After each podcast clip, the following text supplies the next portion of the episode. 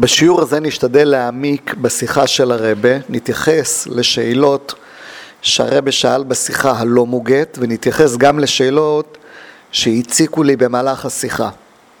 חלקם אה, אני אשתדל לבאר לפי הנראה לעניות דעתי, והשאר אני אבקש את עזרת המאזינים. אז בואו נתחיל. בגדי הכהונה מתחלקים לשתי קבוצות. ארבעה בגדים משותפים לכל הכהנים, לכהן, האדיוט ולכהן הגדול, וארבעה בגדים שהם מיוחדים רק לכהן הגדול.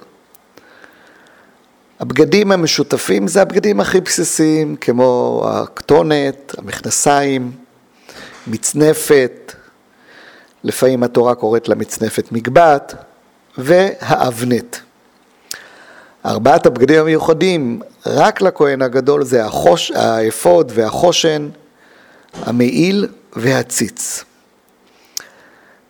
מה שמעניין שהתורה לא מפרטת את שמונת הבגדים בחלוקה מסודרת של בגדי הכהן האדיוט לחוד ובגדי הכהן הגדול לחוד, אלא התורה מפרטת אותם בערבוב. במהלך פירוט הבגדים, התורה מזהירה פעמיים שבהחסרת בגד יש עונש מיתה בידי שמיים. פעם אחת התורה אומרת את זה בהמשך למעיל, כתוב בפסוק, ועשית את מעיל האפוד כליל תכלת, אחר כך הוא מפרט איך לעשות, ובהמשך כתוב, והיה על הארון לשרת, ונשמע קולו בבואו אל הקודש לפני השם, ובצאתו ולא ימות. אז כתוב, והיה על אהרון, והיה לשון יחיד, זה נשמע כאילו המעיל יהיה על הארון, ומה כתוב? ולא ימות, אומר רש"י ולא ימות, מכלל לאו אתה שומע הן, אם יהיו, אם יהיו לו לא יתחייב מיתה, האם ייכנס מחוסר אחד מן הבגדים הללו, חייב מיתה בידי שמיים. אז רש"י מבין שוהיה על הארון לא מתייחס רק למעיל, למרות שכתוב אה, והיה לשון יחיד, הוא מבין שזה מתייחס לכל הבגדים הללו. מה זה הבגדים הללו? אז זה נראה בהמשך השיחה, למה מתכוון רש"י הבגדים הללו, אבל מה שברור, שרש"י מפרש את זה שלא על פי הפשט. וזה צריך ביאור, למה רש"י לא מפרש שזה הולך רק על המעיל? זו שאלה שהרבה בשיחה המוגת לא מתייחס אליה. בשיחה הלא מוגת, הרבה מביא את זה כקלוץ קשה. והרבה לא מתרץ את זה שם. יכול להיות שהרבה כן תירץ ובשיחס קוידש אולי זה נשמט. בכל אופן, אני לא מצאתי אה, בשיחס קוידש אה, ביאור לזה. השיחה הזו נאמרה, השיחה המוגת מבוססת על אה, תשמ"א, שתי שבתות, תצווה וטיסו, שהרבי דיבר על זה בהמשכים. אז, אז בואו נחזור לענייננו. פעמיים התורה מזהירה שיש עונש מיתה בידי שמיים, פעם אחת זה בהמשך למעיל, והפעם השנייה זה בסוף כל אה, פירוט הבגדים, ממש בסוף אה, פרשת הבגדים. אז התורה, אה, אז כתוב בתורה ככה, ועשה להם מכנסי בד לכסות בשר ערווה, ממותניים ועד ירחיים יהיו, והיו, אחר כך פסוק חדש, והיו על הארון, זה בעצם הפסוק האחרון, והיו על הארון ועל בניו בבואם אלו אל מועד או בגישתם אל המזבח לשרת בקודש ולא יישאו עוון ומתו. אז גם כאן רש"י מפרש שהתורה מזהירה כאן ומתו הלמדת שהמשמש מחוסר בגדים במיתה.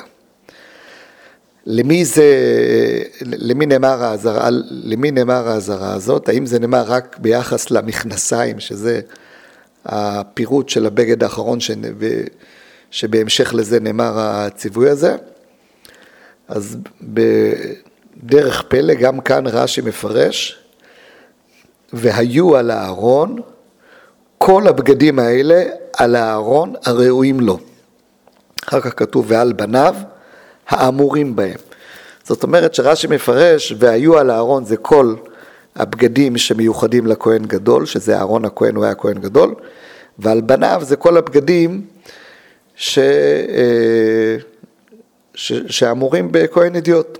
בעצם הפסוק הזה לפי רש"י מתייחס לכל שמונת הבגדים, ועל כל שמונת הבגדים יש כאן אזהרה שאם יחסר אחד מהם, אז יש כאן מיתה בידי שמיים.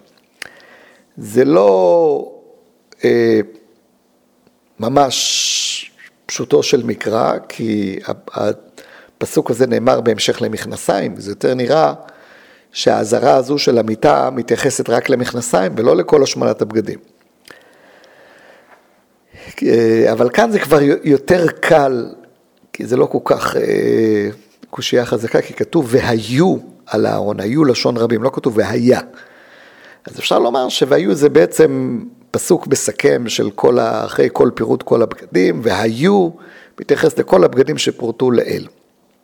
למרות שהיו גם מתחבר יפה מאוד רק למכנסיים, שאפשר לפרש, והיו המכנסיים על הארון ועל בניו, כי המכנסיים זה בגד שהוא מארבעת הבגדים המשותפים גם לאהרון וגם לבנים, אז זה בסדר גמור להגיד והיו המכנסיים על הארון ועל בניו, כי זה בגד משותף לכולם. אבל בכל אופן רש"י בחר לפרש פה שזה הולך על, שזה פסוק מסכם, שמסכם את כל שמונת הבגדים, ויש כאן אה, אזהרה של מיטה אם יחסר אחד מהבגדים. אז בואו נסכם, התורה פעמיים מזהירה שיש עונש מוות, פעם אחת בהמשך למעיל, אבל רש"י מפרש שזה לא רק אזהרה למעיל, זה גם אזהרה לכל הבגדים הללו, שאנחנו לא יודעים בדיוק מה זה הבגדים הללו, ובסוף הפרשה אומר רש"י מפורש שיש כאן אזהרה לכל שמונת הבגדים. אז המפרשים שואלים, למה צריך אזהרה כפולה? אם בסוף הפרשה יש כבר אזהרה לכל הבגדים, אז למה באמצע צריכים עוד הפעם להזהיר? אז יש לזה, יש כמה תירוצים, הרב מביא אה, שתי תירוצים בפנים השיחה ועוד תירוץ אחד שהרב מנסה להגיד בהערה ודוחה אותו. אה, אני אתייחס רק לביאור של, אה, של הרב אליהו מזרחי, שמפרש ככה.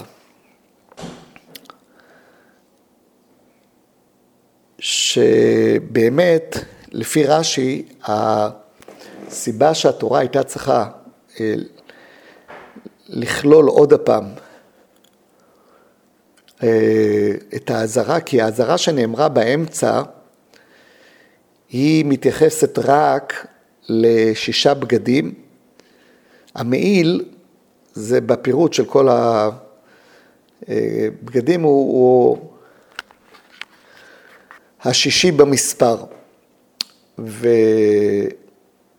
ואם התורה הייתה אומרת רק את האזהרה הראשונה, אז הייתי יודע רק על שישה בגדים, לא הייתי יודע את השני בגדים הנוספים, שזה הציץ והמכנסיים. לכן התורה בסוף נותנת אזהרה על כל השמונה בגדים. כך מפרש אה, הרב אליהו מזרחי. אבל הרב שואל על הביור שלו, ש... אז שהתורה תגיד רק בסוף. לא מובן, למה התורה הייתה צריכה להגיד באמצע אזהרה לשישה בגדים, אם בסוף האזהרה של המיטה כוללת את כל שמונת הבגדים, אז אפשר לומר רק את האזהרה האחרונה בסוף, וזהו. ולא, אה, ולא להוסיף, ולא להגיד בכלל את כל האזהרה שבאמצע, שהיא מיותרת לגמרי. וזה הסיבה שהרבה דוחה, כאילו דוחה, אומר שיש, אה, שהביאור שלו הוא דחוק, של הרב אליהו מזרחי. אבל מה שלא מובן לי, הרבה בפתיחה של השיחה אומר ככה, שהאמת היא שהשאלה שהמפרשים שואלים על הכפילות, זה לא שאלה כל כך אה, בעייתית, כי מצאנו בתורה הרבה, הרבה מצוות ואיסורים שהתורה כפלה אותם אפילו כמה, יותר מפעמיים. והסיבה שהתורה כפלה, להראות את חומר האיסור. יש לפעמים שזה בא ללמד שהוא עובר בשתי לאווים, אז זה לא כל כך קושייה. מה מציק לנו יותר פה ב... ב... בכל העניין הזה, זה הפירוש של הרש"י. רש"י בפירוש השני, כאילו בפעם האחרונה שהתורה מזהירה אה, את העונש מיתה, אז אומר רש"י, הלמדת. הלמדת. הלמדת זה, מה, זה משמע שמפה אתה למד את זה. כש, כשאתה אומר מפה אתה למד, אתה שולל ולא ממקום אחר. איזה מקום אחר אה, היה אפשר ללמוד ש, שרש"י בא לשלול? לכאורה זה מה שכתוב לפני כן. אז איך יכול להיות ש... שרש"י אומר, הלמדת שמכאן ולא ממקום אחר, כשרש"י מפורש אמר לפני כן, שהפסוק שם, בא ל... הפסוק הקודם בא ללמד בדיוק את אותו דבר, שיש עונש מיתה בידי שמיים למי שמחסיר אחד מהבגדים הללו, הקודמים. אז זו שאלה שלא מצאתי לה ביאור, ואם מישהו מהמאזינים יכול לתרץ, איך הרבה מקודם אמר, שזה לא שאלה, ופתאום עכשיו הרבה מתייחס לזה כן לשאלה שהיא, שיש לה קושי. אני הייתי מצפה שהרבה ידחה את הביאור של הרב אליהו מזרחי בשאלה אחרת.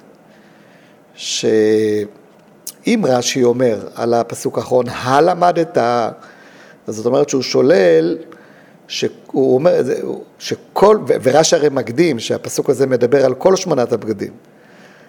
אז זה אומר שכל שמונת הבגדים, הלמדת, מפה לומדים את זה. ו- ו- וזה סותר את מה שרש"י אמר מקודם, שחלק מהבגדים לומדים מפסוק אחר.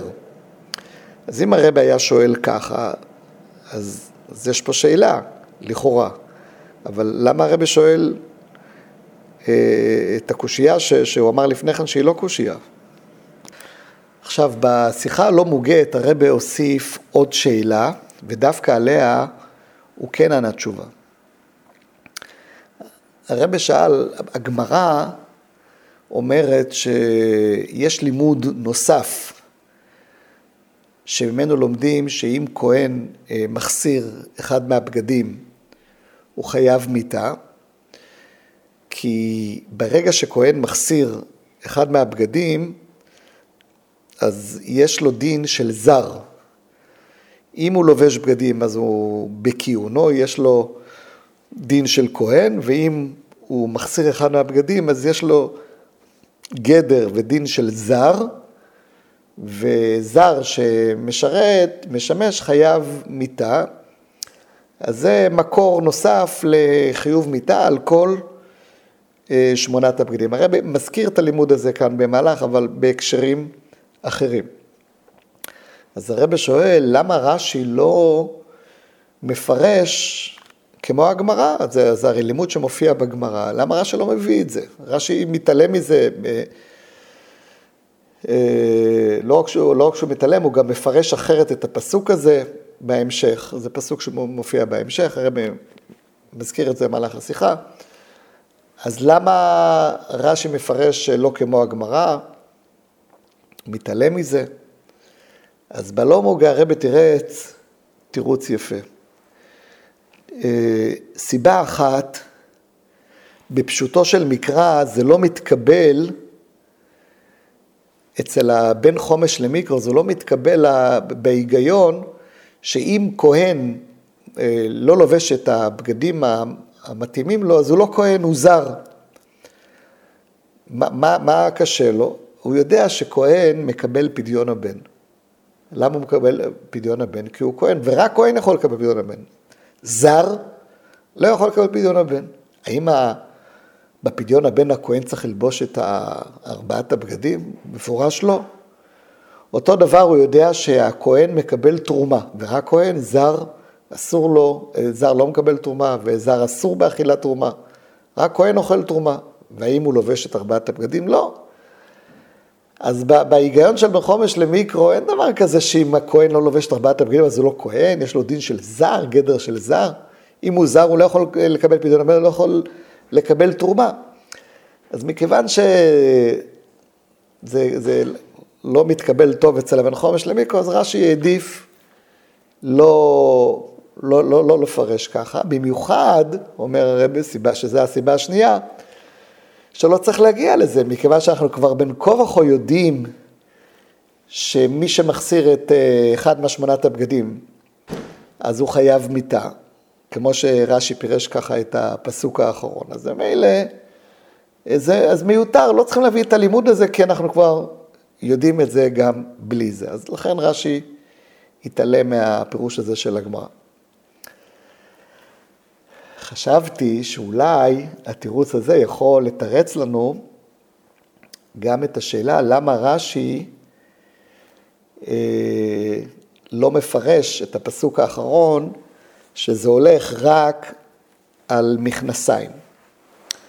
אם רש"י היה מפרש שזה הולך רק על מכנסיים, אז הוא היה חייב להביא את, ה, את הלימוד של הגמרא. כי על פי האמת, אם הכהן מחסיר אחד, אחד מכל שמונת הבגדים, לא משנה איזה, הוא חייב מיתה, זה האמת. אז אם רש"י לא מביא לזה לימוד בפסוק, אז צריך, אה, אז היה צריך להביא את ההסבר של הגמרא, שהוא לא מסתדר על פי פשט. לכן רש"י העדיף, אם הוא יכול להסביר את הפסוקים באופן כזה, שכל שמונת הבגדים, אה, יש בהם אזהרה של מיתה בידי שמיים, אז עדיף לו ככה. ובפסוק האחרון זה מסתדר לו יופי. אמנם זה נאמר בהמשך למכנסיו, אבל מכיוון שכתוב והיו על אהרון ועל בניו, אז הוא, אז הוא בחר לפרש את זה ככה בדרך הזו, והיו זה הולך על כל הבגדים שנאמרו מתחילה ועד עכשיו.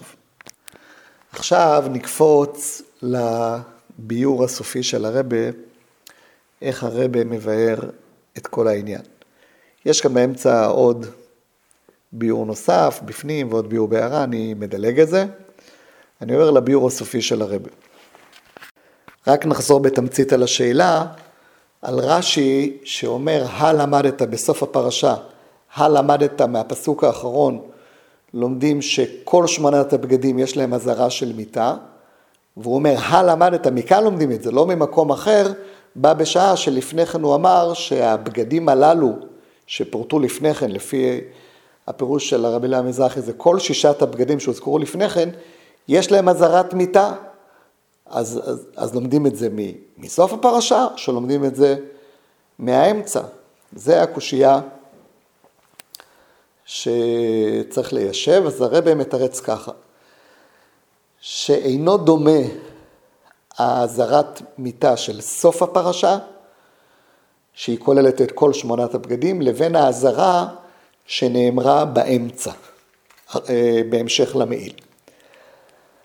האזהרה של סוף הפרשה מדברת רק על חיסרון בגד בשעת שימוש, בשעה שהוא משמש אה, עובד במזבח, משמש, עושה עבודה.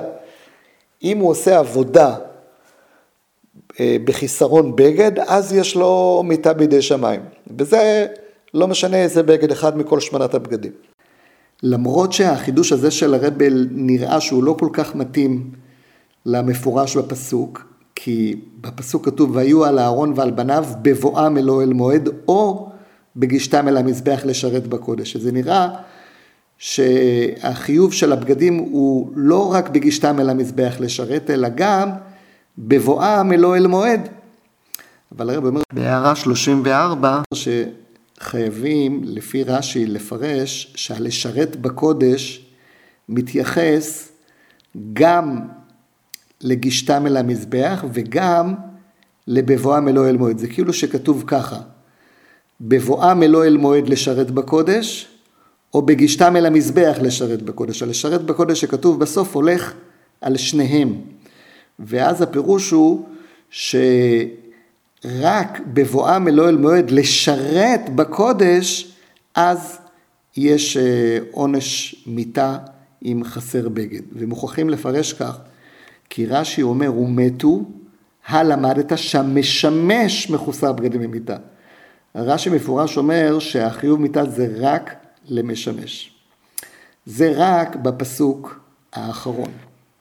אבל מה שהוא מדבר באמצע, האזהרה שנאמרה שם בהמשך למעיל, שם הציווי הוא על עצם הכניסה אל הקודש, בבואו אל הקודש. על עצם הכניסה אל הקודש יש כבר חיוב מיתה אם חסר בגד. השאלה, איזה בגד? אז כאן הרב מדייק שבפסוק של המעיל כתוב והיה על הארון לשרת. לא מוזכר שם הבנים. בסוף הפרשה כתוב הארון ובניו, שם כתוב רק הארון. אז אם כתוב רק הארון, זה חייב להיות אה, בגדים שמיוחדים לארון הכהן. אבל לפני כן הוזכרו שישה בגדים, שלוש של אה, מיוחדים לכהן גדול ושלוש של אה, כל הכהנים. אז הרב אליהו מזרחי, הוא הבין שזה הולך על כל השישה בגדים. ואני יכול להבין שזה, אני יכול ללמד עליו, כאילו להצדיק אותו, את ההסבר שלו, למרות שכתוב והיה לאהרון ולא כתוב בניו, כי כל שישת הבגדים מתאימים לאהרון, גם השלושה שמיוחדים לכהן אדיוט, זה לא רק לכהן אדיוט, זה גם לכהן גדול. לכהן גדול יש תוספת. אז זה בהחלט מתאים, והיה לאהרון זה מתאים לכל השישה בגדים. אבל הרב מדייק, שאם בסוף הפרשה כתוב אהרון ובניו, וכאן כתוב רק אהרון, אז בהכרח שזה מתייחס רק לבגדים המיוחדים לאהרון. וזה מסתדר טוב מאוד עם הפסוקים שלפני כן, כי אמנם הוזכרו שם בתחילת הפרשה גם הבגדים של הכהן ידיעות, אבל זה מוזכר רק באופן כללי, שיש שישה בגדים, אבל בהמשך, כשהתורה מפרטת, אז היא מזכירה רק שלושה בגדים בפירוט איך לעשות את הבגדים, אז מפורטים רק שלושה אה, בגדים שהם כולם בגדים של הכהן. שזה האפוד והחושן והמעיל. אז, אז הרבי מפרש, והיה על הארון, מתייחס רק לשלושה בגדים האלו, החושן, האפוד, החושן והמעיל, ורק בשלושה בגדים האלו, אם הוא מחסיר אותם על עצם הכניסה, הוא רק נכנס בבואו אל הקודש, אז, ולא ימות. אם הוא הולך עם שלושת הבגדים האלו, אז לא ימות. אבל אם יחסר, אז יש עונש מיתה בידי שמיים. למה דווקא שלושה בגדים האלה? הרי יש עוד בגד אחד בהמשך, מיד אחרי זה, שהתורה מפרטת את הציץ. מה מיוחד בשלושת הבגדים האלו בשונה מהציץ? אז הרבה מדייק שלכל בגד מהשלושה האלו, יש לו מטרה בפני עצמה. בסיום הציווי על מעשה האפוד כתוב, ושמת את שתי האבנים על כתפות האפוד, אבני זיכרון לבני ישראל. ונשא אהרון את שמותם לפני השם על שתי כתפיו לזיכרון. זאת אומרת שיש להם תכלית ומטרה שהם אה, משמשים לזיכרון לבני ישראל. בסיום הציווי על החושן כתוב גם, ונשא אהרון את שמות בני ישראל בחושן המשפט על ליבו, בבואו אל הקודש, לזיכרון לפני השם תמיד. אז שוב פעם כתוב את העניין של הזיכרון. בסוף העניין של המעיל כתוב, והיה על אהרון לשרת, ונשמע קולו בבואו אל הקודש לפני השם ובצאתו. זאת אומרת, למעיל היה עניין של להשמיע קול.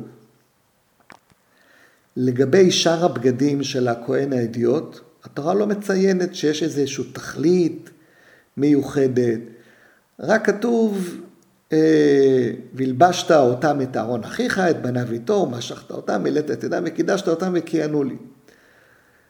זאת אומרת ששאר הבגדים, העניין שלהם זה שברגע שהם לובשים את הבגדים, אז הם מתקדשים, ובגד מיוחד שעומדים לשרת לפני השם, להתקדש עם בגדים מיוחדים, אבל זה לא ש... זה מטרה כללית שבזמן שעובדים צריך ללבוש בגדים מיוחדים. אבל הבגדים של הכהן הגדול שהזכרנו, יש לכל בגד תכלית ומטרה בפני עצמה. האמת היא שגם לציץ יש אה, תכלית אה, ייחודית, וצריך להבין למה אה, הציץ לא נכלל בציווי להיכנס אל הקודש, שאין חיוב בכניסה אל הקודש ללכת דווקא עם הציץ. מה המטרה המיוחדת של הציץ? כתוב, והיה על מצח אהרון ונשא אהרון את עוון הקודשים, אשר הקדישו בני ישראל, והיה על מצחו תמיד לרצון להם לפני השם. אז, אה, אז גם שם יש מטרה. אז למה שלא נאמר, ש... למה שם אין את האזהרה של חיוב מיתה? אז הרב מסביר את זה באופן נפלא, ששם כתוב, היה על מצחו תמיד. אז יש שתי פירושים ברש"י, הפירוש הראשון, תמיד הכוונה שזה, גם כשזה לא על מצח הארון, הוא גם פועל את העניין הזה של אה, לשאת את עוון הקודשים, לרצון להם, גם כשזה לא אה, נמצא על מצחו. אז אם זה פועל את אותה פעולה, גם כשזה לא על מצחו, אז, אז, אז זה לא דומה לכל הבגדים האחרים. הבגדים האחרים זה רק מתי שהוא לובש אותם, הם פועלים את העניין של הזיכרון, את השמעת הקול. אז אותם בגדים שפועלים פעילות מיוחדת כשהם עליו, אז אם הם חסרים, אז נחסר הפעולה הזו, ש, ש, שהפעולה היהודית המיוחדת להם נחסרת, ולכן יש אזהרה של מיתה. אבל הציץ שהוא, גם אם הוא עליו, גם אם הוא לא עליו, הוא עושה את אותה פעולה, אז כאן אין את האזהרה של מיתה. למרות שרש"י מביא עוד פירוש, אז הרב מדייק מהרש"י שבזה שהוא אומר, ולדברי האומר, שזה כאילו זה לא הפירוש העיקרי, הפירוש העיקרי זה הפירוש הראשון. אבל גם בהערה הרב אומר שגם לפי הפירוש השני, שהוא מכפר רק מתישהו על מצחו, ואם זה לא על מצחו הוא לא מרצה, אז אה, יש לומר שהציץ שייך יותר לעבודה ולא על עצם הכניסה. כי על מה הוא בא לכפר? הוא בא לכפר על אה, דם, הוא בא לרצות על דם וחלב שקרבו בטומאה. קרבו בטומאה זה כבר קשור לעבודה, זה כבר עניין של עבודה. החידוש של השלושה בגדים האלו, שאפילו שהוא לא עשה שום עבודה, על עצם הכניסה אל הקודש כבר יש אה, חובה ללבוש את הבגדים האלו, שהם, יש להם אה, מטרה בעצם הכניסה בלי קשר לעבודה. אחר כך הרב מסביר את זה בעינה של תורה בצורה מופלאה ביותר, אבל זה כבר כל אחד אה, ילמד אה, לבד. אני רציתי בעיקר להוסיף את הביאורים והדיוקים. עכשיו, אה, אני חושב שאולי אפשר לתרץ על פי זה גם את השאלה שהרבא נשאר בשאלה ולא ענה בשיחה הלא מוגת. הרבא שאל, למה רש"י אה, לא מפרש את זה כפשוטו, שזה הולך רק על המעיל ולא על בגדים נוספים. יכול להיות, לפי איך שהרבא מסביר פה, יכול להיות ש... אם זה הולך רק על המעיל, צריך הסבר, למה, למה דווקא אה, למעיל יש אה, אה, מצווה, ל... יש עונש מוות על עצם הכניסה, מה, מה המיוחד במעיל, יותר משאר הבגדים המיוחדים של הכהן. אם בגלל ונשמע קולו, אז אה, זה דבר שישנו גם לדברים האחרים, יש להם את הזיכרון, אז בגלל זה כנראה רש"י אה, לא רצה להפריד ביניהם ובחר לפרש שזה הולך על כל הבגדים המיוחדים שהוזכרו לפני כן.